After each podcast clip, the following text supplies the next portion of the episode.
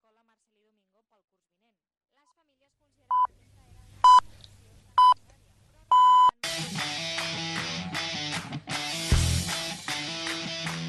Ei, Marc, avui què tenim per sopar? Avui, nen, avui tenim plat fondo. Des d'Ona Villes, al 107 de la FM, comença Plat Fondo, amb Joan Romeu, Jofre Hernán, Arnau Vivó i Òscar Paez. Un programa tan bo que et deixarà amb ganes d'un segon plat.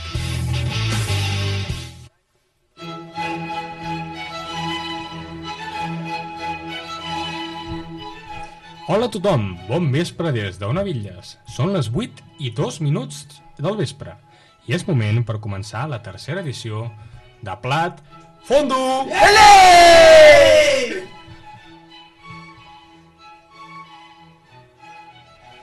Comencem una hora en la que repassarem, com cada setmana, tots els temes més importants de l'actualitat esportiva i, com és habitual, ho farem amb els millors analistes de la comarca. Des de l'últim programa, en el qual ens va visitar el molt honorable Marc Pujades, hem pogut viure dos partits del Barça, en els quals el conjunt català ha perdut la primera posició, cosa que ningú s'esperava, ja que els catalans jugaven un futbol molt millor que el de l'era Guardiola. Cal dir que entre els cinc representants de Plat Fondo, només un dels cinc, un dels cinc ha arribat a mirar 20 minuts d'un d'aquests dos partits, concretament els últims 20 contra el Sevilla. El motiu pel qual passa això és que mirar el Barça s'ha fet més complicat que fer la digestió d'un kebab solo carne de 3 euros i mig que compres borratxo a les 4 de la matinada al pakistanès més proper de la festa. Partits avorrits, sense salsa ni varietat d'ingredients, que l'únic que aconsegueixen és crear un mal de panxa considerable a tot aquell que intenta mirar més de mitja hora a l'equip del pasturador de vaques més ric del món. Per altra banda, els homes de Zidane el Cocoliso s'han convertit en nous membres de la Casa de Papel, ja que últimament estan robant a tothom qui passa per davant seu. Podríem parlar que podríem parlar de que la seva sala de reunions, és a dir, el Bernabéu, tindria el mateix nom que un poble de Califòrnia, Los Baños. Un dels, primer, un dels seus carnissers, com és Casemiro, seria el Cutanchat, de Texas. Benzema seria Alcatraz. I per acabar, tindrien un infiltrat a Can Barça per tal de destruir-lo des de dins. Aquest l'anomenarien com un petit poble de Massachusetts, Sandwich, mentre que la gent normal de Barcelona l'anomena Samuel Umtiti.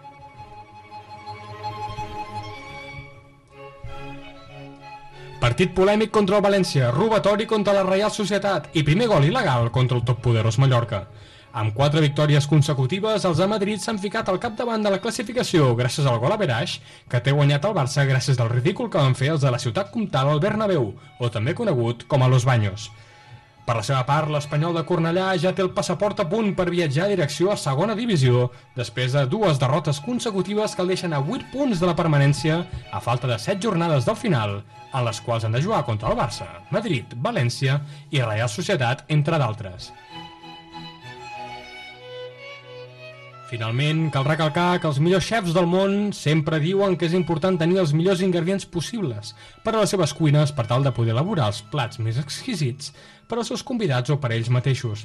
És per això que avui comptem amb Joan Romeu, que avui ens mostrarà la seva part més delicada i artística, i en Jo Fernan ens recordarà els millors moments d'un jugador de futbol històric.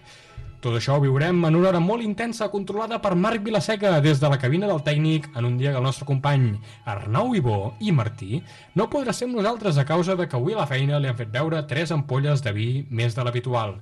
Tanmateix, aquí no perdem el somriure i ens disposem a fer un programa memorable que no oblidareu en les vostres vides. Tot això i molt més aquí, a Plat Fondo, un programa que et farà tirar la carta del menú a la brossa. Carai, sí que es posem menjar a la fregidora. Que és algun dia especial avui. Avui, avui és dia gran. Avui és dia de plat, plat fondo.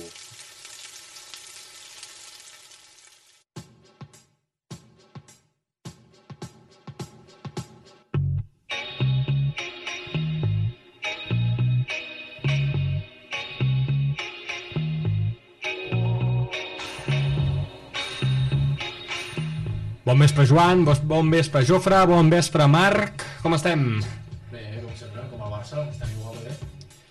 Què tal la jornada futbolística aquesta setmana? Com ha anat? Hem avançat bé? Molt feliç, molt. Perquè després de, jo crec, diria, de 12-13 anys donant suport al Betis i només rebre que disgustos, crec que ahir ens va donar la, em va donar sincerament la primera alegria. I el bo és que és conegut perquè va jugar a Barça, però és un ex-perico, que és l'enviat de segona. Bé, va, ha fet bé la seva feina, però han passat tres entrenadors, eh? Dos més.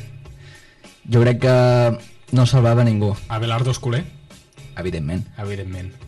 Bueno, podríem parlar també de Marc Bartra. El geni de Sant Jaume dels Domenys, eh? Aquí ens ha donat una miqueta de, de salsa.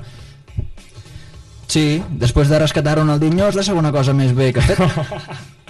Ara estem aquí un moment, problemes tècnics, Jofre Hernan està buscant el micro que li funcioni correctament, ara provarà, aviam, hola Jofre? Funciona, funciona aquest o no? No, doncs vine cap aquí Jofre, que ens, ens abraçarem una miqueta. aquest, aquest, Jofre. El, ja el tenim, ja hem detectat el micròfon correcte per Jofre Hernan. Jo he de dir que aquesta setmana he fet els deures, he mirat el partit del Barça i he de dir que sort dels petardos i de la coca, de Sant Joan.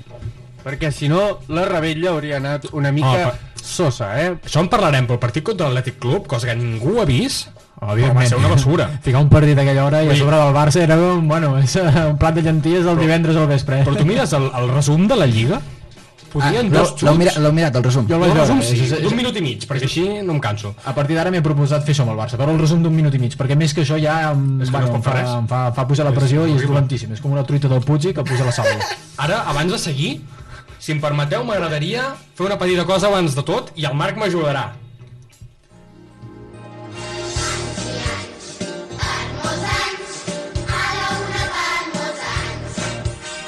Aquesta setmana, aquest 24 de juny, Lionel Andrés Messi Cutuccini va celebrar el seu 33è aniversari i des de Plat Fondo li volem transmetre les nostres felicitacions. per vos, el Lionel!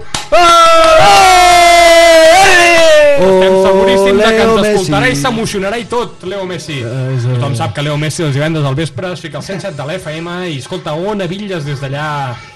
Viladecans viu o... No, Castelldefels, Castelldefels. Jo, jo tinc contactes que em diuen que cada divendres a les 8, doncs una hora abans de les 7, pendent el tio que està de la ràdio, bueno, nerviós com un nen petit, eh, com el seu fill Tiago, que és una cosa que... Uh, Bueno, entre un dels 84 fills que té Messi, l'Astre Argentí ha jugat 722 partits amb la samarreta del Barça, marcant un total de 629 gols i fent 270 assistències. Números que només hagués pogut realitzar André Gómez si li haguessin donat alguna oportunitat en la seva estància a Can Barça. Jo us vull fer una gran pregunta. Estem tirant l'etapa Messi a la brossa? La resposta és sí, però vull que m'ho justifiqueu. Aviam, la, la resposta és molt clara, és, és, és, és, preguntar com, és com preguntar si el cel és blau, és a dir, és, eh, Clar, és que estem tenint... Sí que hi ha dies que no corre i juguem amb 10, però clar, aquest 10 de tant en tant doncs et fot 3 gols, saps? Aquell dia que no corre. Company, la Terra és plana? O rodona? La terra és rodona. El cel és blau? També. L'Espanyol té deutes, també. l'Espanyol té deute o no? Presumptament en té, eh? No, no, no hem entrat aquí en els, compta, en els comptes de l'Espanyol, eh, però... Però clar, estem parlant que tenim el millor jugador de la història i Amb el Madrid ha guanyat 4 Champions, saps? Sí, però ha coincidit també amb el pitjor president de la història. Eh, I el, No, no, no, no, no hi ha, Gaspar, no, hi- no hi ha Gaspar. No, hi- no hi ha debat, Gaspar, no hi ha eh? Bartomeu, Gaspar eh? Millor, Gaspar era millor que el que hi ha ara. Gaspar, I home, home. Bueno, almenys a nivell econòmic el Barça ara no va bé, però fins ara anava Ara bé. va com els àngels. Ara va, va fluid. Gaspar, era. Gaspar era un tio que guanyava, era una mica ja, va ser el predecessor de, de, de, Ara, predecessor de Guardiola, Guardiola però, està parlant que la Junta és com un mono amb un monocicle tocant els platets borratxo. però una mica Gaspar va que ser no una mica arribarà el que va marcar el camí a la porta. perquè és un tio que a Wembley es va fotre a banyar-se al Tàmesi, eh? era un tio ja que li agradaven les celebracions des de, des de ben jove, era una cosa... Home, és un home que va sortir al, al, al diari per, per pujar al metro. Bueno, i també va sortir el diari, no?, per fotre-li el quadre de Dalí. Era aquest o qui era? Hosti, això ja no ho sé. El del Però Sant fa, Andreu? Fa dos anyets va sortir que Gaspar va en el metro i dice que no està tan mal. Era algo així. Bueno, però aquest tio era president del Sant Sí, Andreu, ho era, oi? sí. Sí, sí. Pues ell va ser president del Sant Andreu i quan va deixar de ser-ho va desaparèixer un quadre valorat amb uns quants diners. És mala sort. Així que presumptament... Eh, Més que presumptament. Sempre, sempre presumptament, ja ho sabeu com ho fem aquí les coses, però presumptament aquest home... Home, al Floreta li queda un any. Masses dies. Creu que aguantarem un any sense anar a la bancarrota i ser el nou Milan d'aquí 3 anys? Però lo del Floreta seria per descriure aquí una nova saga com Harry Potter, eh? Perquè amb lo d'Arthur de... és, és, és terrible. És... Ara en parlarem del senyor Ah, Artur, eh? Ara ah, en parlarem perquè- una altra vegada, dues setmanes després del primer cop que vam treure aquest tema. Bueno, Però parlar. senyor Floreta li queda un any encara dominant aquí de manera estranya al Barça, no? A mi em fa por que quedarà després d'aquest any. Pobre el desgraciat que sigui president. En què fitxarà? Ah, avui ha sortit Víctor Font. Amb cireres? Vas veure el Víctor patates, Font ahir, que va dir pel Twitter? Albergínies? Amb els diners del Monopoli aquests. Fins ara estava sent com un meme de que el Barça acabaria sent el Milan i ahir va sortir Víctor Font, un dels candidats al, a la presidència del Barça l'any que ve i dient que seríem el nou Milan si la cosa segueix així amb coses de, com Arthur per Pjanic. Els novatos, què, què significa com el Milan? Exactament. Bueno, doncs que només fitxem gent vella i el que passa és que porten com 10 anys fent el Cementiri d'elefants, no? Sí, sí. cementiri d'elefants, com ara és el Barça, amb Arturo Vidal, Rakitic, Busquets... Mm, I podríem seguir. Però amb això el meu- Piqué, sí. Piqué està ballot i no Sí. trobem un substitut. Això el meu pare sempre ho diu. Això, això acabarà com un solar. El solar aquell on sortia el Novita i el Doraemon allà, aquell, Allà, això serà un solar espectacular. Ah, aquell Van jugant tots junts. Allà on sempre forraven el Novita, doncs allà. Allà, ara- allà acabarà igual. Us canviaré una miqueta, no canviaré el tema, passarem una miqueta de floreta i ens anirem a parlar d'un altre tema del Barça i anem a parlar del més recent del món que envolta la ciutat com tal i és que la setmana, aquesta setmana hem analitzat dos partits molt decepcionats dels de Setién, com pot ser Sevilla i pot ser Atlètic de Bilbao. Tremendo. Un empat molt pobre contra el Sevilla, victòria agònica contra un dels pitjors Atlètic de Bilbao de la dècada, estem tots d'acord? Sí, sí, sí. Fa sí, poder sí. 10 anys que l'Atlètic no tenia un equip tan fluix, no de nom sinó de joc. Igual també fa 10 anys Clar. que no veig l'Atlètic de Bilbao, eh? L'entrenador, sí, no, no, no, allà consideren que Valverde és bon entrenador. Hòstia. Aleshores, eh, això ha desencadenat que eh, es vegi clar que un cantarà de metre 25 ha de jugar per davant de jugadors que ha costat milions com Arturo Vidal, com Ivan Rakitic, com hagués valgut Busquets si l'haguessin vengut en el seu temps. Uh, hem de vigilar de perdre, no perdre la segona plaça i conformar-nos amb cada segons aquest any. No, si ha de ser Riqui Puig el titular d'aquí al final, hem de vigilar no quedar tercers. Home, Riqui Puig és un bon jugador, eh? Pensa, És un àngel. És, és Àngel Crubi, en diuen. Diuen, diuen. per la seva edat és un superdotat. Pensa que no hi ha cap prebenjamí que jugui millor a futbol. Home, aviam, analitzant bé que té 22, 23? Tants en té. Quantes No, pilotes no, d'or tenia no, no, Messi ja? 20, 20 anys, 20 anys. 20 només? Jo És pensava que tenia 90 més, És eh? del 99, és de, des Del del 99 del 99. No, no, l'any següent hauria de guanyar la pilota d'or, si no és, un, és nul. Ha tingut mala sort perquè ha sigut futbolista. Si hagués sigut boxejador, hagués acabat competint aquí amb mosques, però literalment, si fos perquè el boxejador, pes saps és... què passa? Que si fos boxejador, el seu rival hagués fet un cop de puny No, i no l'hagués tocat perquè no, està 3 perquè- pams per sota, No, saps? perquè va per tema de pes allà. Allà és, és pes ploma i allà ell hagués competit contra... Allà. Seria l'únic participant. Sí, seria l'únic, és, és tremendo. El seu pes és equivalent a una a mitja cama de Luis Suárez, és una cosa similar. Sí, això, sí, això Sí, sí, sí. entre Suárez i Umtiti, mitja cama dels dos, és, és Riqui Puig. Bueno, el sopar, el sopar d'un tití és, és Riqui Puig. Però jo Riqui Puig, els 20 minuts que el vaig veure l'altre dia contra el Sevilla, perquè... Ah, tu- tu el vas veure? Sí. El, el Marc ens ha dit que vist el partit, però que el Marc va al seu ritme, sempre no sabem mai què mira, què no mira i per què ho mira, oi que no, Marc? Jo vaig mirar el de que Sant Joan. El de l'Atlètic de Bilbao. El que no ha vist... No Era el de Bilbao. Ah, hòstia, pensava que era el de Madrid. Imagina't com anava el sexe. A veure, jo miro dos tem... cada quan miro un partit de futbol, doncs hòstia, han canviat tota la plantilla i a mi no sé què vols que et digui. A més a més porten les ara no van amb els pantalons negres.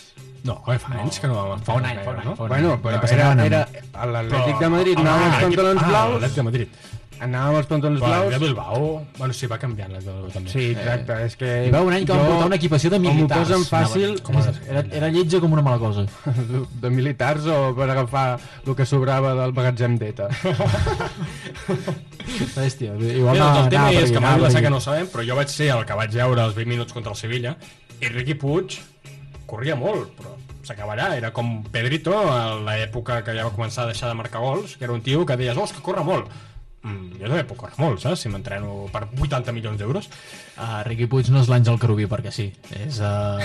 Clar, però Riqui Puig, tu el fiques al mig del camp i el dia que et trobis al València et pillarà el Comtòquia i el Comtòquia al minut 20 dirà oh, se l'ha misteriosament Ah, Riqui estem Puig, entrant en un- en terreny- O Casemiro No, i, estem- i se l'endurà per endavant. Estem entrant en terreny pantanós perquè Xavi i Iniesta no eren aquí l'Omaga, que diguéssim. No, però- Eren una cosa... Eren Però Xavi com- Iniesta poder fan el doble de Riqui Puig. Bueno, bueno, clar, és que Riqui Puig és petit, però, hòstia, Xavi era... Era petit, però almenys era ocupava una mica. Riqui Puig monja, no, eh? eh? Riqui Puig, a sobre amb la careta d'acabar de néixer. Sí, sí, sí. Era de nen. Aquell el podríem fer una foto i penjar-la allà a l'església, allà en el mural aquell que tenen allà de fondo, i, i ningú, ningú Musculanet Riqui. el pot donar gràcies, dona, que ha sigut... Gràcies als seus pares. Bé, doncs, jo us volia preguntar pel Madrid també, perquè no està donant la més mínima opció a perdre punts i apunta que guanyarà la Lliga mega senzill. Esteu d'acord que el Madrid arrasarà aquests últims partits? Perquè quan no tenen tàcticament apareix l'home del xiulet i Sí, fora. home, Perquè el contra la Real Societat va ser un escàndol. El següent partit és molt complicat, juguen a Cornellà, un camp sempre difícil, un territori hostil... 0-72, segurament. Ja els esperen, ja els esperen, a Cornellà ja els esperen. jo, jo cal dir que... Em consta eh, que els hi tenen molta ràbia els aficionats de l'Espanyol a Madrid. Sí, no és es una rivalitat. A Camp de l'Espanyol no- sempre cri- criden puta Real Madrid i puta Espanya. No sé com s'ho fan, No- però... no sé. és estrany, és estrany. És allà d'aquella zona, la curva, en diuen la curva, no? És aquella Sí, però és recte, no és sé recte com una no- mala cosa, eh? és Sí. l'angle de 90 graus, però... en fi, és, eh, és, és terrible. Clar, el tema és que el Madrid... Avui he vist, l'Espanyol només suma 4 punts de 30 contra el Madrid. Però és que el- l'última victòria de l'Espanyol contra el Madrid va ser un any que el Madrid ja tenia Lliga perduda, l'Espanyol es jugava a la permanència. No, hi va ser un empat, em sembla. No, no, va guanyar Va un gol de Gerard va Moreno al minut 90. Gol d'aquí? Gol de Gerard Moreno, que va marcar, me'n recordo aquell dia el vaig veure, i va guanyar l'Espanyol a Cornellà. Uh. Però clar, és un partit que diu, sí, vale, porten 4 punts, però és que aquells 3... Mm, el Madrid no direm que es va deixar, però el Madrid anava caminant aquell partit. És com el cometa Halley, eh? Un cop És allò, el Madrid 80 anys. necessita els punts, l'Espanyol anava desesperat per ells, el Madrid, si perd, seguirà segon, si guanya, seguirà segon, i l'Espanyol va guanyar misteriosament a l'últim minut en un partit que el Madrid es va passejar Això quin any era? No, fa no. dues temporades, l'última de Gerard Moreno a l'Espanyol. És que jo I va ja, guanyar 0-1, jornada 30 llargues. si havia de marcar Gerard Moreno, quasi, quasi que preferia que perquè és Cristiano Ronaldo, eh? Perquè Gerard Moreno és- una persona més odiosa. És, és, és, Un desastre. és, és, buah. Bé, jo vaig mirar l'Espanyol contra el Betis i, hòstia, que són dolents. Però molt, eh? Vas veure la, la del volei? Però, Vas tu. El volei, però si tenia 8 metres de porteria per el xutar. volei era, era Kung Fu Panda. és el futbol Shaolin, allò, eh? Jo tio, ho vaig eh? veure, però escandalós, el de volei. Vas veure la primera part? No, no, jo ho vaig veure només pel marca i després miro el resum jo d'aquests partits. Sí, home, és que mira-lo sencer. ahir Joan, el vas mirar jo- sencer? El vas mirar sencer? No, no, no, no, fins que va marcar el Bartra va ser minut 40 llargs, vaig mirar, vaig aguantar fins als 60. Hòstia, Déu-n'hi-do, Sí, eh? sí, 60, és el, des del passat confinament és el partit que he, vist- que he vist més tros. Home, això Però és per ficar el perquè tenies ganes de l'Espanyol. aguantar tanta estona mirant un partit és, és, és, és Tela, tela. I l'Espanyol que feia les mateixes passades que el Riu de Villes, vull dir, un espectacle. Home, doncs això són poques, eh? I no... Aleshores, heu de pensar que uh, jo, que miro tots els partits del Rayo que puc opinar, ahir, Tens estómac, eh? ahir, llamen a l'hora el Rayo Sporting, que el Rayo si guanyava es ficava al playoff, però vaig veure que el Condogbi es marcava en propi al minut 13, crec que va ser, Sí, em vaig tragar tota la segona part de l'Eibar i part de la primera part de l'Eibar. Hi ha preferències. Si guanya l'Eibar, Ara la allò era... la Era, cosa està negrota. sembla que són els negres del pip, piri... Sí, sí, el ball aquest. El, Era això. Sí, sí. Era això, els negres és l'Eibar i l'ataúd és l'Espanyol. Ma la cosa ara està negreta, eh? Vull dir, no, no, no vull fer-ho per Condogbia, però vull dir, està negra per l'Espanyol, vull dir, no fotem, és... Uh... Sí, sí, sí, totalment. Ah, està molt... Ens estem allargant una miqueta amb la tertúlia, avui tenim molts temes a parlar, no els farem tots segurament, però un dels temes que vam discutir el primer dia va ser la possible venda d'Arthur Melo a la Juventus de Turí, ja hem parlat una miqueta al començament, tot i que el brasiler estava en contra d'aquesta venda, el fet, de, el fet de que la directiva del Barça cada setmana es digui sí, sí, que et vendré, que et vendré, que et vendré, que et vendré, doncs Arthur ha dit a prendre pel cul, doncs ok. Tot sembla que aquest cap de setmana mateix Arthur s'anirà a Turí a passar la revisió mèdica, Mm, va haver una mica de discrepància fa dues setmanes, però esteu d'acord d'aquesta venda d'Arthur Melo? Bueno, ara és una mala notícia, perquè clar, pel tema del comerç, tot el tema del port olímpic i totes les discoteques d'allà... El... Bueno, però ve Pianic, eh? Pianic no sabem com és, tampoc. Bueno, però pitjor que aquest no serà, eh? Però a terreny de joc, si traiem el port olímpic, a terreny de Bueno, joc... però eh, jo crec que és un crim totes les variables. Crec que va ser. Joan que ho va comentar, no sé qui va ser que ho va comentar, s'ha de comentar totes les variables i és, és una pèrdua econòmica molt gran per Barcelona, aquest home. 70 milions per Artur Melo són un regal increïble. Però 70 Ah, que- milions ja diuen sé. ells. No, És per quadrar comptes, perquè si Exacte. després paga 60 per Pianic... Aquí està el problema. Si, pagues, si et dones 70 per Artur, el porto jo en bici on vulgui, on faci clar, falta. jo també segurament. Sense pujar els Alps, els pujo. Però comprar... El turmalet, aquí. O sigui, si després has de comprar per 80, uh, per 80 pa, ja, 60, 60 va, Sortim guanyant 10 gua- guanya el milions, Barça crec. 10 milions. Ah, Sí. bueno, és igual. Crec, jo tinc entès que és això. Mm, És Potser no és això, eh? Ens Sí, envieu sí. un missatge i ja sabeu, eh? El, el No, no, sí, pot ser, pot ser. No t'ho discuteixo. El, el negoci rodó, eh? Si teniu, si us sabeu millor, el 633 783992 i ens ho expliqueu, perquè realment no sabem del tot. Jo crec que són 60 i 70 i guanyem 10. No, sí, sí, que sí, sí que guanyem. Però a la llarga serà com el Paulinho, que, No, no, que guanya amb 10 milions Exacte. i després era no sé quin contracte Vull que no guanya amb el, res. el negoci és lamentable, però jo vull dir, vull dir que si només es vengués Arthur per 70 milions, sense Sí, el condi- sense, home, sense, ah, Sí, no, no, sense- em donen 70 per Exacte, Arthur, exacte. eh? Fons, llavors, sí, sí. Però jo ara us vull, Marc, si us plau, si em fiques el que hem preparat, escoltem bé, si us plau. Los que vinieron eh, son todos muy buenos, pero, pero si tengo que decir uno, me quedo con, con Artur, que me sorprendió. La verdad que no lo conocía mucho, sinceramente. Y, y salvando las similitudes, obviamente, y las comparaciones, es verdad que es muy, muy parecido al estilo de juego de, de Xavi, el de querer siempre la pelota, el de jugar cortito, el no, el no perderla, saber que se la da y, y no la pierde, muy, muy confiable, muy seguro y la verdad que, que me sorprendió, pero ya te digo, eh, me gustaron todos los fichajes que hizo el club este año. Artur és una, una mica com si hagués crescut a la Masia, no? Pel, Sí, pel que- tiene el, el estilo de, de lo que buscamos siempre acá, de los jugadores que, que, que intenta sacar siempre el club. Los que vinieron... eh, Les declaracions de Messi farà, no sé si fa dues temporades que va venir Arthur, S'ha de, de dir que en aquell any l'altre fitxatge era Malcolm, eh? Eh Malcolm no trobo que fos Delaney. mal jugador. Ah, al, costat de, al costat de Malcolm igual hagués sortit, hagués sortit guanyant el pal d'escombra que tenim allà al costat de la porta. Tinc, no- tinc no una mal jugador, informació, Malcolm. tinc aquí davant a la web de Transfermarkt, la fitxa Marc. d'Artur... Sí, bueno, Ah, Marc, sí, Marc, sí, sí. Market. Sí, sí, no, no, però Transfermarkt. fer gràcia Sí, sí, sí, sí, sí. 56 milions.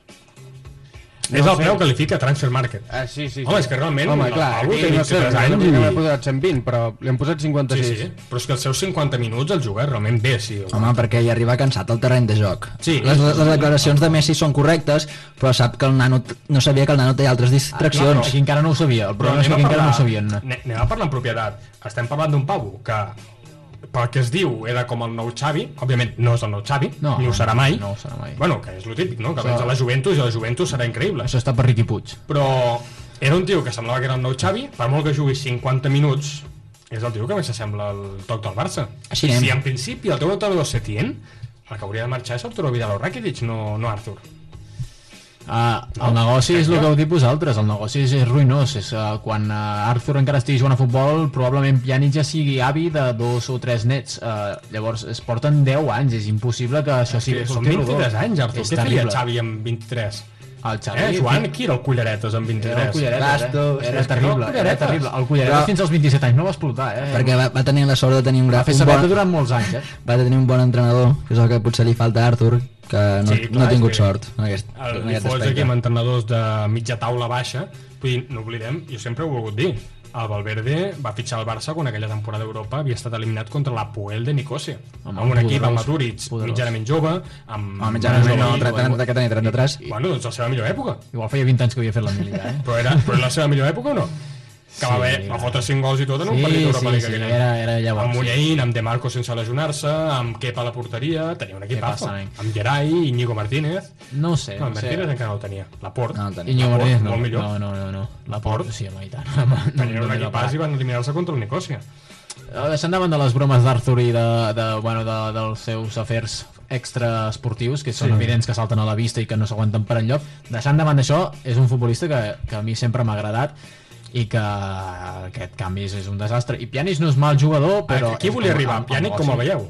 Clar. Mm, No tinc opinió d'ell, no he vist crec que cap partit d'ell. Jo crec que tampoc. He vist alguna falta que ha marcat, però... Aquí clar, està el problema, que el millor que té són les faltes i aquí ni les olorarà l'entrenament. Sí, no, tant, no, eh, això és- això és obvi. Així, així anem, és un desastre, és un desastre. Bueno, és la gestió esportiva que hi ha ara. És com... Clar, em diuen faltes. El Xanoglu, aquell que està al Milan, veu Sí, que era una locura, sí, també, sí, però sí, està sí. al Milan i de suplent, vull dir, tampoc... Suplent del Milan, eh? Això és, és, és, és, és terrible, eh? Aviam, de nom el Milan no té mals jugadors, però després a l'hora de jugar, doncs és un desastre. No? però suplent del Milan... No, però han fitxat, a veure, nen, que han fitxat molts bons jugadors. Òbviament Sí, no juguen a res, però... però no van anar però enlloc, eh? noms. No servien, no servien ni equip- per anar a Europa League, eh? Va ser una cosa... Sí, sí, sí, un, des un desastre. És, és, el Milan és una llàstima, a mi em fa molta llàstima el del Milan, eh? eh Bueno, ja veuràs el Barça d'aquí 10 anys, en parlarem aquí a fondo.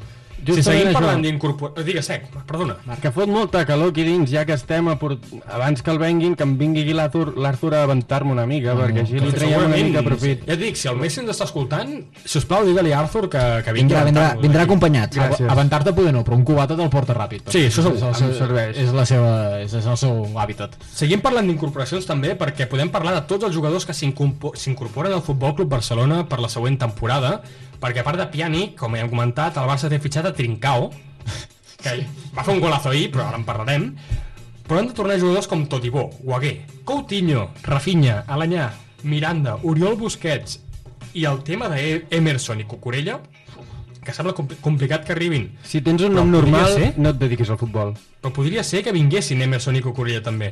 Aleshores, jo amb els meus grans analistes Jofre i Joan, amb el Marc no hem pogut contactar abans, sap greu Marc, passa res, segurament la setmana que ve tindrem més sort. Uh, us he demanat de que féssim una tria de 23. Jo els tres porters, Ter Stegen, Neto i Iñaki Peña, jo no els mouria, tot i que Iñaki Peña poder es mou i vindrà doncs, el, el B de turno, que no sé qui és. O sigui, Neto sin no sé problemes podríem ficar Messi, que també ho faria bé. Eh? Vull Jo, sense, con- sense comptar fitxatges, us he demanat que trieu 20 jugadors de camp i els altres que m'expliqueu per què els faríeu fora, fitxatges, cedits, quina és la intenció que tindríeu. Jo, per exemple, tinc molt clar que de centrals, si Todibo torna, no hauria de ser el que ha de marxar. Hauria de ser un Titi. O sàndwich, com li vulgueu dir a la casa de paper. Li pots dir com vulguis. però- I venut, ni cedit ni hòsties. I, Sí. per exemple, no sé què teniu pensat vosaltres, però jo, per exemple, de centrals, dels 5 que quedaran a inici de temporada, és el descarte. Sí, jo ventilaria també un Titi, em quedaria amb Piqué, l'Englet, el Todibó un de la casa, m'és igual, però un que s'aposta... Araujo. No l'he vist, no sé qui és. No, jo tampoc, però millor un Titi. Sona bé, sí. mira com És és igual. Sigui, poder no és millor un Titi, però un Titi ens ha fotut aquí i... Sí, sí, no. És que sembla que vagi en contra un Titi. Està clar, un dels dos, qualsevol que es- se li esperi alguna en un futur, que s'aposti una mica per ell i fitxaria un central una mica en cara i ulls. Clar, llavors què faries fora, Araujo o Todibo? Jo cediria Todibo. És que no- Si ve un central nou, se... tot... Se... cediria Araujo, perdó. Todibo el deixaria com a tercer. Perquè el Schalke és una lliga menor, però... És una lliga de merda. Però, però ha jugat Ja, bé. anem, anem, anem a dir les coses ja, Però, home, però va. ha jugat bé. Però tu has vist un partit del Xalque, amic meu? Sí, i va perdre veure l'últim 4-0 contra el Dortmund Va aquell. Tu vas veure aquell partit del, del, del Schalke que li va regalar Va jugar el el gol 4-0. Pues si li va regalar una mica més, només faltava que em putxés Però- la bola dintre. Contra el Hoffenheim. Però és, però és un dia que... Menys 0-4. És un dia que Todibo es va lesionar, que poder estava tocat, ja quan va fer Perquè va ser el primer partit aquest. I va ser el primer partit després de 3 mesos. Clar, el Todibo va fer bones actuacions abans de la pandèmia. Sí? Amb el Schalke. Sí, sí, va dissimular molt bé perquè... Que no- més, va, va arribar l'interès de la Juventus per Todibo. Doncs vinga, Sí no? tot seu, Que tot els seu. centrals de futur, que era Delight i Todibo del Barça, depèn de com se'ls endú la Juventus, juntament amb Arthur. Tots, que mig. tot seu, combo. Esteu d'acord, d'acord? Amb un Titi? Tu, Jofre, estàs d'acord amb un Titi? No, mira, jo tinc aquí... Bueno, eh, un titi és, és, flagrant, és... és... O sigui, sí, o sigui, pensa que no podem fer fitxatges a part dels que hi ha, eh? Vull dir, perquè surten 33 jugadors la temporada que ve al Barça. Un titi el ficaria com a jefe de seguretat o una altra cosa, però jugant a futbol no... Et quedaries amb Araujo i Todibo. Jo em quedaria... Jo aquí tinc també Bombeta, eh, com el, bueno, el nostre company. Uh, em quedaria amb Araujo, m'agrada molt el partit del Mallorca i em sembla prou, és a dir, si fa bon Sí. partit contra el Mallorca ja em sembla prou perquè Sí, sí, que un un equip- central del Barça faci bon partit ja és notícia de per I si contra el Mallorca encara més. I encara més Perquè per és un potencial ofensiu, és un allò. potencial, el Salva Sevilla és tremendo i em quedaria també amb Todibó per tant, em quedaria també amb l'Anglet el xocolata blanca a l'Anglet per tant, uh, sí, descartaria Gerard Gerard ja l'enviaria A Gerard Piqué? ja l'enviaria a altres A la Junta? sí, sí, sí, Tu el sí, sí. retiraries de Piqué, eh? Quedaries amb xocolata negra. Amb... no, xocolata negra i jo em quedaria amb tres centrals, ja en tinc prou amb tres Ah, els centrals. vendries? A Piqué un Titi els vendries? Piqué, o Piqué fa, retira? Piqué que faci el que vulgui Ah, Pues no, jo jo l'enviaria a la llotja i em quedaria amb l'Engle, Araujo i Todibo i evidentment com deia el, el, el, meu, el meu amic Joan s'ha de fitxar algú aquí això és Sí, no, aviam. Però jo, jo us he plantejat com si no hi haguessin fitxatges Bueno, doncs em quedaria amb aquests tres, però Piqué ja no pot seguir jugant, 30, 30, 33 anys té ja, sí, sí, els té. Sí, sí. Um, Amb quants anys es va jubilar el Puyol? Home, Puyol el 2011 anava ja Quan tubet, se li van eh? caure els, No, no, els, anava- els genolls al anava terra, pels llavors va Anava plegar. a tovet pels genolls. Bueno, és igual, sigui, Però si si no no es és per la cadera. Aquelles edats ja, si no és el genoll, és la cadera. Però els 33 anys, és 2011, és del 78. Però els eh, genolls Carles els Puyol. arriba a tenir bé Puyol i hagués pogut jugar dues temporades bé, segur. Home, Puyol, és que quan no era el genoll una altra cosa. Hi havia el gag aquell del Cracòvia, que sortien allà amb, la, amb lo de l'aeroport, que anaven pitant allà, era terrible. Si no era el genoll, era la cadera, era el cul, se- sempre hi havia alguna cosa. Jo Piqué ja el facturava. I un Titi, evidentment, és que és, és, no... Vale, avancem una miqueta, ens anem a lateral dret, aquí ja jo crec que menys discussió segurament. Jo ho hagué... Ho hagué... Ho hagué... És pitjor que hagué. eh, Ah, rima amb saps? Bolaguer, si arriba amb Bolaguer és dolent. Eh? Jo este, crec que els tres estem d'acord en que Wagué ha de prendre la, el vol a un altre lloc. No l'he vist, eh? No està ni titular al Niza aquesta, aquesta temporada. Fort facturat. I jo aquí foto fora Sergi Roberto. Vegeu que Manchester City tenia interès. Aire. Fitxem Emerson, que està fent bona temporada. Tenim a Semedo, una banda negra, com Déu mana. Sí, semblen els Jackson 5. Aquesta és la meva opinió, eh? Semedo, Emerson. Jo els vendria tots. Tots els quatre. Tots quatre. No fitxaria ningú tampoc, de lateral dret. Jugaria sense laterals. No fa Tres centrals, No canviaré gaire, eh? tres centrals i dos carrilers. Bé, com a mínim no molestaria en parlar, prefereixo jugar amb 10 que no amb un que em resti. Ah, Això està bé. No, jo? Ro- Roberto, bé, per respecte amb el, uh, el 6 a 1, eh, bueno, el deixaria, no el faria No, com jugar. a suplent. Sí, home, 20 evidentment. minutets, no, no depèn jugar. del dia del Leganés, Com a titular no pot jugar. 4-0. Com a titular, si vols optar almenys a entrar a Champions, no pot jugar. I després Semedo, uh, Semedo jo el defenso, és a dir, a mi sempre m'ha agradat Semedo, de debo, eh? no, no estic fent... A mi m'agrada Semedo, per això Semedo m'agrada. Emerson és infumable, és una cosa que no la vull... Però no com a suplent jo el fico, eh? No, ni com a suplent ni com a titular. És millor que Junior Firpo. Abans agafo el del B, però Emerson no pot jugar, és un jugador, és, és un desastre. I Bogué, bueno, tampoc l'he vist, però bueno, no, si és suplent al Nissa, doncs fora. Vale, passem al lateral esquerre, només hi ha tres opcions, Junior Firpo, Jordi Alba, Miranda. Jo, òbviament, faig fora Miranda i em quedo amb els dos que tenim ara. En cas, perquè hem parlat de que no hi ha incorporacions. Em quedo amb els dos que hi ha ara. Si n'haguessin, òbviament, Junior Firpo s'aniria a prendre pel sac. Si trobem un lateral en condicions. I em quedaria només amb Jordi Alba. Si no, em quedo amb els dos. Jo igual, jo em quedaria amb Alba i faria fora els altres dos i fitxaria, fitxaria un, un lateral que sapigués defensar, un estil Matier. No, Matier era bo, eh? Bon defensar. Després parlarem. Parlarem, en parlarem, el tocarem lleugerament. Ara, mira, en 3-4 minutets anirem a la tertúlia. Tu, Jofre? No, jo em quedava amb Alba, però abans de quedar-me amb Alba també li deia que es tragués el carnet de conduir, que em sap greu que son pare l'hagi de portar sempre aquí a allò. Però bueno, per deixar l'Alba i prou, prou cosa més, perquè no hi ha res salvable més aquí. Mira, jo davant... passem a davanters perquè després el, el show està al mig del camí dels extrems. Jo em quedo els dos. Jo no en venc ni un, ni Suárez ni De davanters. No, mira, goita, jo, Jo aquí a la no venc els dos. Me'ls he quedat els dos, també, sí, sí. Me'ls sí. quedo els dos. Bueno, Ara, com a Suárez de suplent, ara mateix. David Fitter, Brathwaite de titular per ara. de Fitter titular. Per ara sí. Bueno, Amb els que tenim, eh, et dic, òbviament fitxaria un, un delanter amb gol, però si haguéssim de triar amb els que tenim, Brathwaite me'l quedo i, i titular. per optar a la Copa Inter tot està de puta mare, però... Bueno, per fer els partits contra el Leganés, tots aquests està molt Sí, bé. eh? Bueno. Ara, contra el Madrid ja ho veurem, perquè... No, contra el Madrid anirem com anirem, però bueno, com ara estem anant els últims dies... Eh. Tu et quedes els dos també, Jofre? Jo me'ls quedo perquè, perquè no hi ha res més per descarte, eh? ha sigut al final n'he de cada un i ha sortit aquest. Tu, Joan? També. Però si pogués ventilar Suárez no m'ho pensaria dos segons. Brathwaite te'l quedes com a suplent. Sí. El nou Larson, li diuen. Sí, això, això diuen alguns. 30, Enric, és- és- Ens en anem 38 al mig, anys. mig del camp, eh? Aquí hi ha coses curioses, perquè Oriol Busquets veu que encara forma part del Barça, misteriosament. L'hem ficat al mig del camp, està jugant de, de suplent central al, al 20. Jo fitxaria. Descre... Jo tinc claríssim que el venc. Jo em quedaria a tots els migcampistes que hi han, Busquets, De Jong, Riqui Puig, Arthur o L'hem ficat al mateix pack, seria Pjanic, i a l'anyà faria que es quedés, i faria fora Rakitic, Arturo Vidal i Busquets. Els dos Busquets, Oriol eh? Busquets. No, el Sergi, el Sergio me'l quedaria. El Sergio te'l quedaries. L'Oriol amb una mica de sort el cedim a segona. Al Sergio te'l quedaries, eh? De moment sí, perquè me n'he de quedar 20. On vas mirar tu les semifinals de la Champions de l'any passat? Jo, al teu costat, jo. Paf, eh? Va jugar bé, eh? però, però Busquets jo crec que de suplent a partits contra el Un Leganés... suplent que cobra 20 milions l'any. No, clar, és que És això un ja... bon suplent, eh? Aquí no entrarem amb els milions que Bueno, aviam, s'ha de valorar Però tot. si acceptés el seu rol de suplent abaixant-se el sou, Sí, seria un sí, sí. suplent. Et vindrà allà i dirà, home, el que tu vulguis, i si vols trec però plats quan acabi el partit. no seria bon suplent. Això és cosa del Floreta, després, però nosaltres... No, no li fotis gaire cosa al Nosaltres Floreta, és com jugar al FIFA, això. Si volem baixar el sou, el baixem. No, no, no, puc, no, és que no puc. Mira, us quedeu? Jo faig fora Rakitic, Vidal i Busquets. Rakitic, sí. Busquets. Rakitic és com un tití, és decisió... És, És un líder és, és flagrant, eh? sí, sí. Jo de tota la llista que has dit només em quedaria a De Jong, Arthur i un que has ficat tu d'extrem però jo ficaria mig del camp que es diu Rafinha. Rafi... És que Rafinha tenia dubtes. Hi ha alguns que us els he ficat aquí d'extrems, però... Tot el de més Quan un jugador no saps ficar-lo en el camp, no saps quina posició juga, No, malament, ja comença malament. El problema és obvi, que el Barça... El Rafinha és migcampista. Ah. Però el Barça on el fica sempre? A Rafinha. A la, banqueta, a la banqueta. A la banqueta. Escolta'm, I escolta'm. si ha de jugar No. a l'extrem. No, perquè Coutinho, l'interior. Coutinho és mitja punta, el fica a l'extrem. Griezmann és mitja punta i juga d'extrem. Però Rafinha no és com Griezmann, Rafinha hauria de jugar a l'interior. Hauria. Altra Doncs a l'interior, però jugava d'extrem al Barça amb Luis Bueno, Enrique a les semifinals contra el Sevilla. I, Arturo Vidal, i Arturo Vidal, bon i Arturo. Vidal també havia jugat d'extrem. Havia arribat a jugar d'extrem. Ah, Sí, sí, bueno, sí. allà s'han fet moltes barbaritats. Sí, sí, sí. Rafinha salvarà el Celta, per tant crec que es mereix un lloc a la plantilla. Jo estava d'acord en quedar-se un... Aquest any, inici de temporada, Rafinha contra l'Atlètic de Bilbao va ser el millor amb molta Sí, diferència molt, i molt, tal i molt. com estava el club, jo vaig dir més d'una vegada que Rafinha no era descabellat quedar-se. Ara, l'únic que clar, és de vidre, el. I Sí. jo he fet feina més i t'he dit els tres fitxatges que jo faria al mig del camp. Sorprèn. De Bruyne, M'agrada, m'agrada. Si tenim molts milions, sí. no ha jugat Champions, has d'apostar per ell. Fabián Ruiz, Sí, sí. Molt bon fitxatge. vas 3 anys tard però vas. Sí. I em quedaria Rafinha perquè fitxaria a Thiago Alcántara, els dos germanets. M'agrada. Oh, una utopia eh, seria molt maco. Seria preciós d'aquests tres no, no encertaré ni una lletra perquè al Floret això no li agrada, No, el però Floret fitxarà el que tingui més nom. El màxim És representant del Mundo Deportiu fitxarà segurament. Segurament. Cristina Cubero, al mig del camp. Igual que aquest any ha fitxat aquest Repartint joc, perquè Gabardina. sí, saps? Perquè Esa, mira, la- al final sí he pogut, saps? Ozue, aquest morts. Cristina Cubero. Ens en anem als extrems, i els extrems aquí, una miqueta de show, sí que el, fi- el ficaria, no?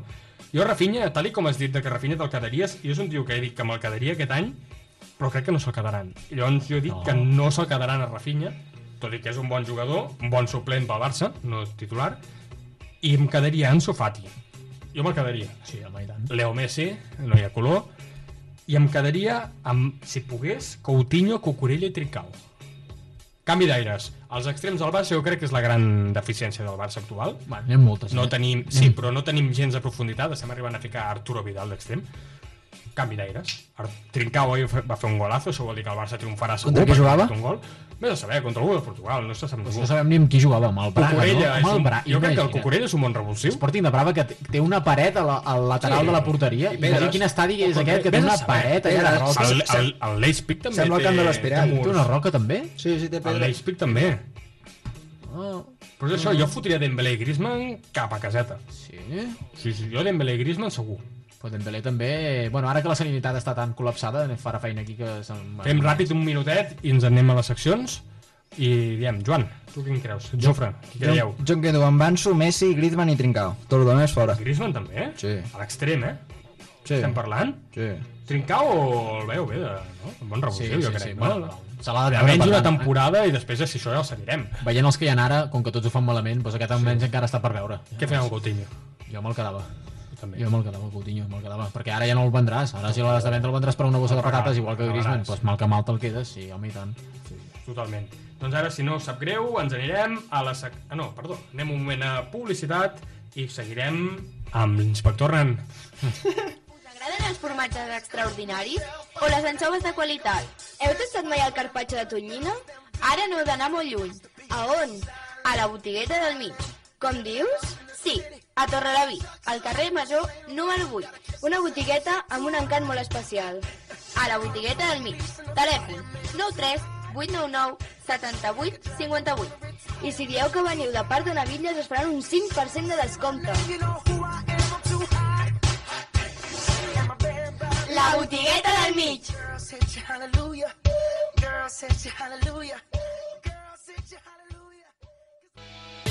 Al Cafè de la Laia hi trobaràs noves sensacions. Cafè combinats, entrepans freds i calents, berenars, xocolata, creps, gofres, rebosteria, tés infusions i una àmplia varietat en gelats, orxata i granissats. A més, també menús al migdia, amanides, pasta, peix i carn a la planxa i vermuts variats. El Cafè de la Laia, al carrer Montserrat número 5658. Telèfon 93 899 79 21. El Cafè de la Laia.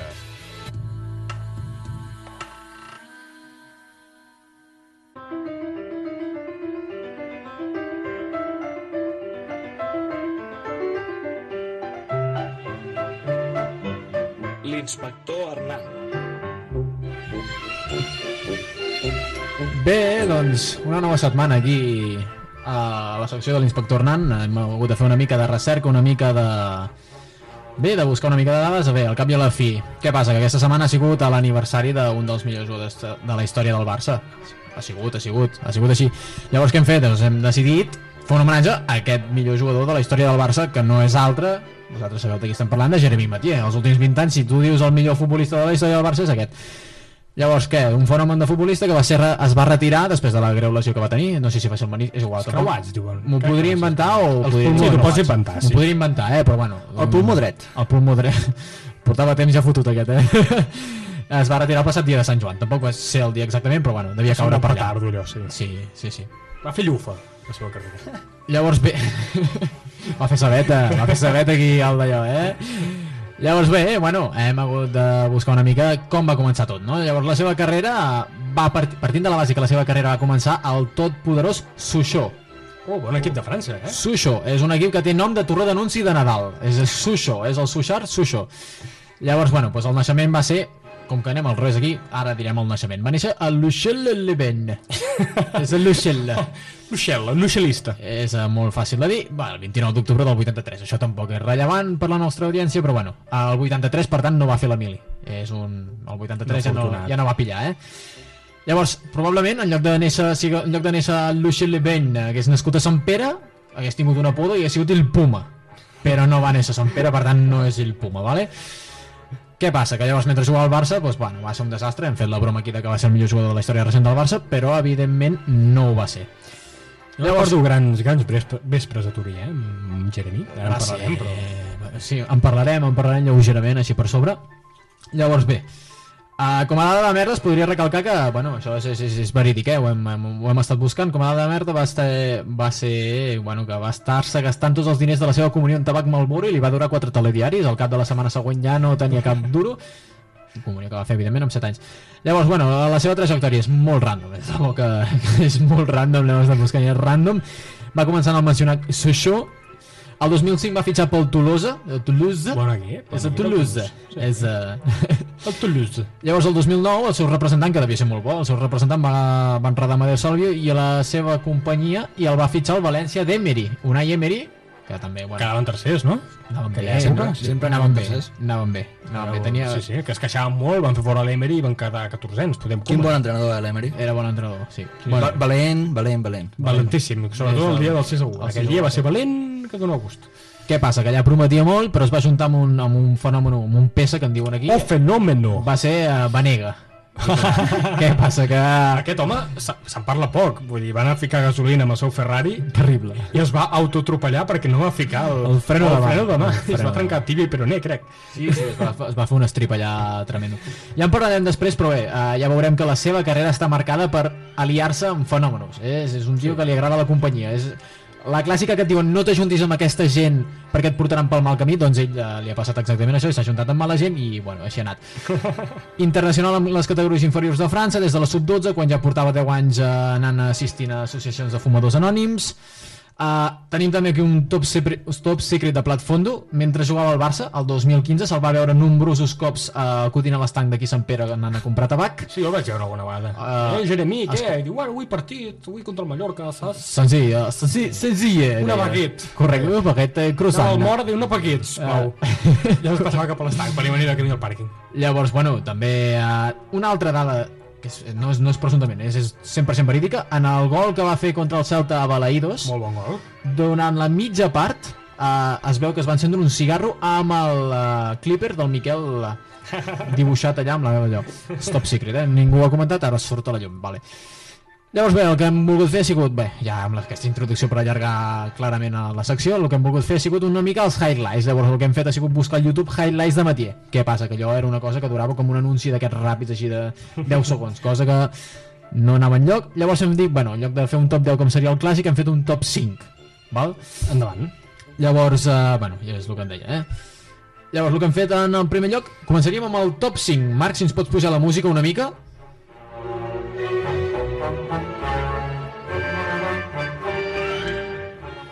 Aportar una mica de suspens. Número 5. El número 5 és clarament, sense cap mena de dubte, per al moment en què va ser nombrat, bueno, nombrat no, es va guanyar ser el jugador més ràpid del Barça per davant de jugadors com Jordi Alba, Leo Messi o inclús Luis Suárez. Home, Suárez és ràpid. Luis Suárez és... Té una arrencada, Suárez, I a més allò- el pillen fora de joc. I allò es va fer a les dues del migdia, també top secret d'inspector Nan, a les dues del migdia se li va dir, es fa aquesta prova i anem a dinar. I tot i així no va ser capaç de guanyar a Jeremy Mathieu.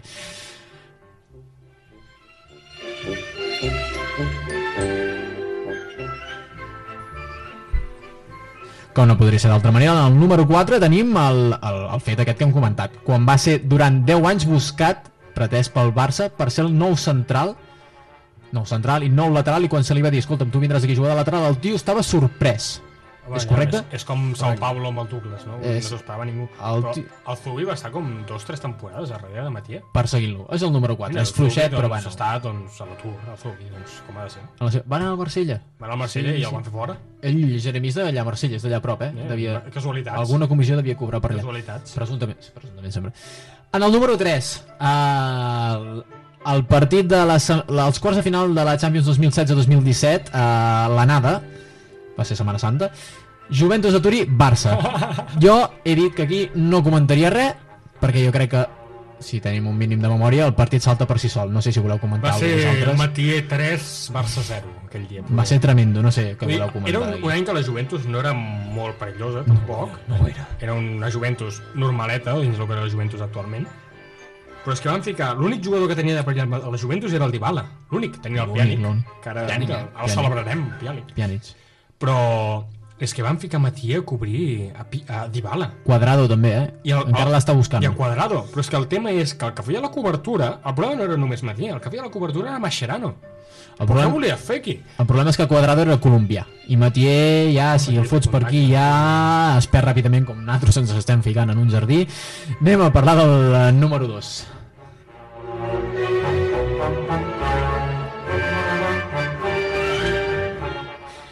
Doncs bé, en el número 2 no podria haver-hi cap altre que el gol contra el Madrid a la temporada 2014-2015 i a la mateixa temporada, la setmana següent, eh, va ser en qüestió de 7 dies, gol a Balaïdos per donar la victòria al Barça i ajudar a guanyar aquella lliga amb Ancelotti Que entrenador no del Madrid. creia ningú, eh? Era com quan l'Alexis va marcar. Va ser increïble, és a dir, és, uh, aquest és l'únic moment probablement del top 5 que és un moment Bo. realment bo. Bueno, del Celta, no? Són els dos bons. Sí, bueno, l'hem inclòs com el pack, és el gol del Celta i el gol del Madrid és tot junt. El del Clipper no el voldria incloure jo aquí, però vale.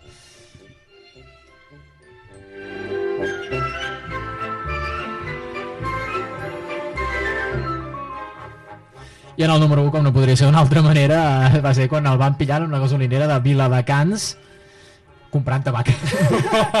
el van enganxar, va ser un periodista d'esport, no sé si era esport o mundo deportivo, i si no m'ho invento, que és absolutament indiferent, que el van enganxar i en lloc de dissimular i fer veure que te'n vas a comprar una pizza o que vas a comprar doncs, aquí uns carmels per ajudar a baixar el Se'n sopar va comprar quatre més per sortir les notícies, no no? ho va dissimular, no ho va dissimular el tio i va dir, no, escolta'm una cosa, no, eh, tots els futbolistes ho fan. Jo dubto que tots ho facin, però bueno, el tio va dir, tots els futbolistes ho fan. Llavors, després del número 1 tenim un bonus. Com hem dit abans, el tio es va creuar amb Banega al València i el va portar pel mal camí. Tampoc prometia molt, però ja el va arrossegar pel mal camí. I aquí tenim el bonus quan va ser capaç de fer una dupla letal comparable al duo Shaquille O'Neal i Kobe Bryant als Lakers dels primers dels 2000 amb Fabio Coentrao a l'Sporting de Lisboa. Allò era, era terrible, era... Home, jo afegiria el que vam comentar crec, la setmana passada quan Matier va tornar a visitar el Camp Nou amb, a la mà de Fabio Contrau. Sí, sí. Bueno, aquí anàvem amb el bonus, eh? Va ser aquí quan va tornar a visitar el Camp Nou i es va marcar un gol en propi a l'últim minut. És una mica per... Són d'aquests jugadors que si el, el partit és avorrit marxen de la banqueta, no? Bueno, a la mitja part va fumar fora perquè dintre la banqueta no es pot fumar. I bé, doncs és aquí, fins aquí tenim una mica els highlights de matí. Espero que, bueno, que tothom el recordi pel gran futbolista que va ser i que tingui una retirada plàcida i que pugui fumar tranquil sense que cap periodista el tormenti.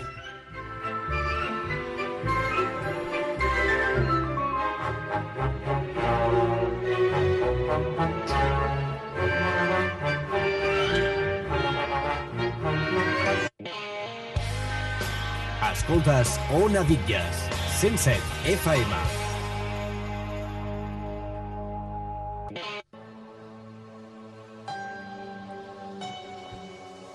En casa de carpintero, barrotes de acero. Analista Romeu.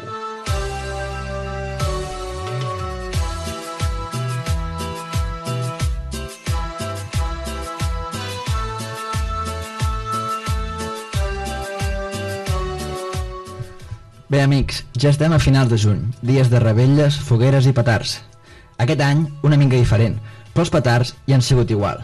Per exemple, Leo Messi no seria un simple petard, seria la bomba del Tsar, responsable de l'explosió més gran mai provocada pels humans. Però avui ens centrarem en Ivan Rakitic, que seria ser com les sabetes. Si les tires contra el Pucci poden ser de profit, però generalment són molestes.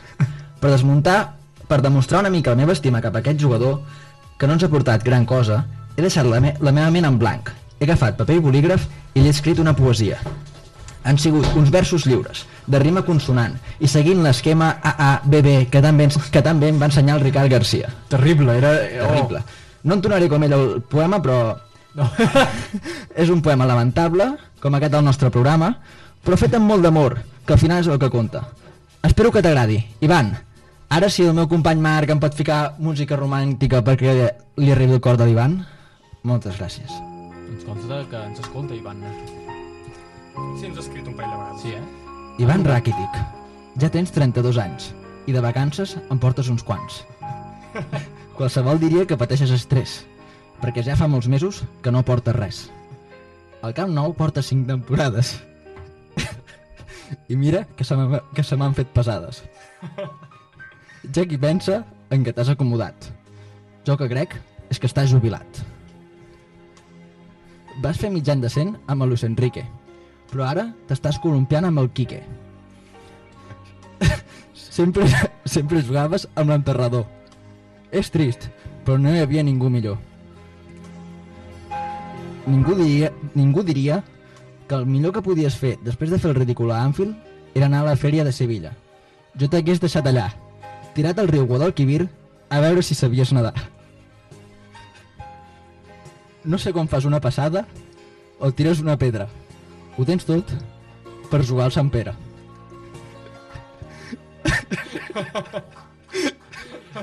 Mira que estic rimant malament que sembla un nai de la Pen Gang. Jugador polivalent, perquè sempre ho fa malament, ets com el pollastre de la Montserrat. De menjar-ne sempre, ja n'estic fart. Vas tornar a marcar contra l'Atlètic de Bilbao. Després de fer un bon cacau. Només han passat 11 mesos del teu últim gol. Amb aquest nivell només podries jugar a l'Espanyol.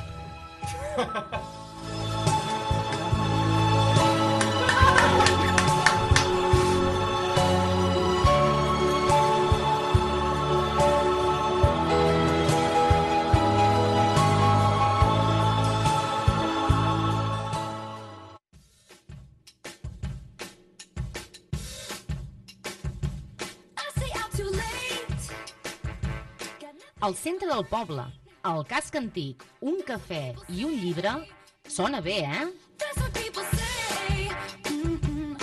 El que sona més bé encara és que això ho podeu fer a Pastisseria Mora, just a la plaça de l'Ajuntament, a Sant Pere de Riudevilles. Podeu gaudir d'un bon cafè o bé escollir entre un gran assortiment d'infusions, així com acompanyar-ho d'una pasta. A més a més, també tenen una gran selecció de postres i pastissos i també podeu encarregar canapés salats. També us acompanyen en grans celebracions com ara Nadals, Pasques i de més oferint-vos les delícies més típiques. Pastisseria Mora, a la plaça l'Ajuntament. Telèfon 93 899 60 72.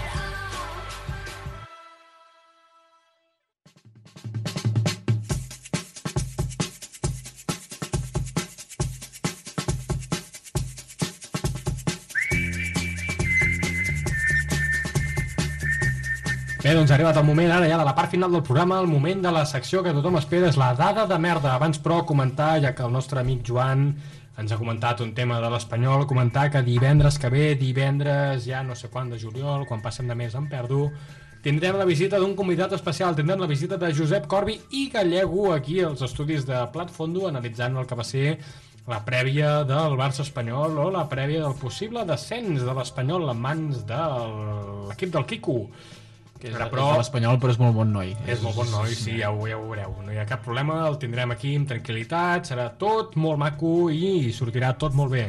Ara sí, és el moment de la dada de merda. Avui tinc tres preguntes ben preparades, tres preguntes a punt per intentar-vos deixar amb el cul obert. Començarem amb Jofre Hernan i Mitjans. Jofre, estàs a punt? Estic a punt, ready. Doncs jo volia parlar una miqueta de l'esport de, la prigo- de la pilota. Rugosa! Pick and roll. Eh, la pilota peluda. Pica la temporada 2012-2013 de bàsquet, la final de la Lliga Endesa va començar amb un partit De parlar com els Palau papissotes de... Blaugrana entre els culers i el Real Madrid. És correcte, és Joan Carles. Uns culers que tenien en el seu equip jugadors com Navarro o Oleson.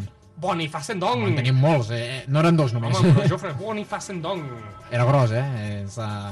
Aquell partit, però, va ser resolt gràcies a un jugador que no va fer un bon partit aquell dia, però va encertar un triple sobre la bocina durant la victòria pels catalans.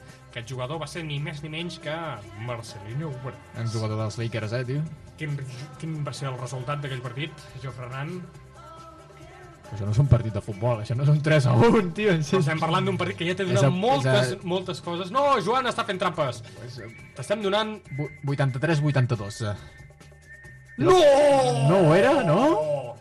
81-80! Ai, era el Va triple, el triple.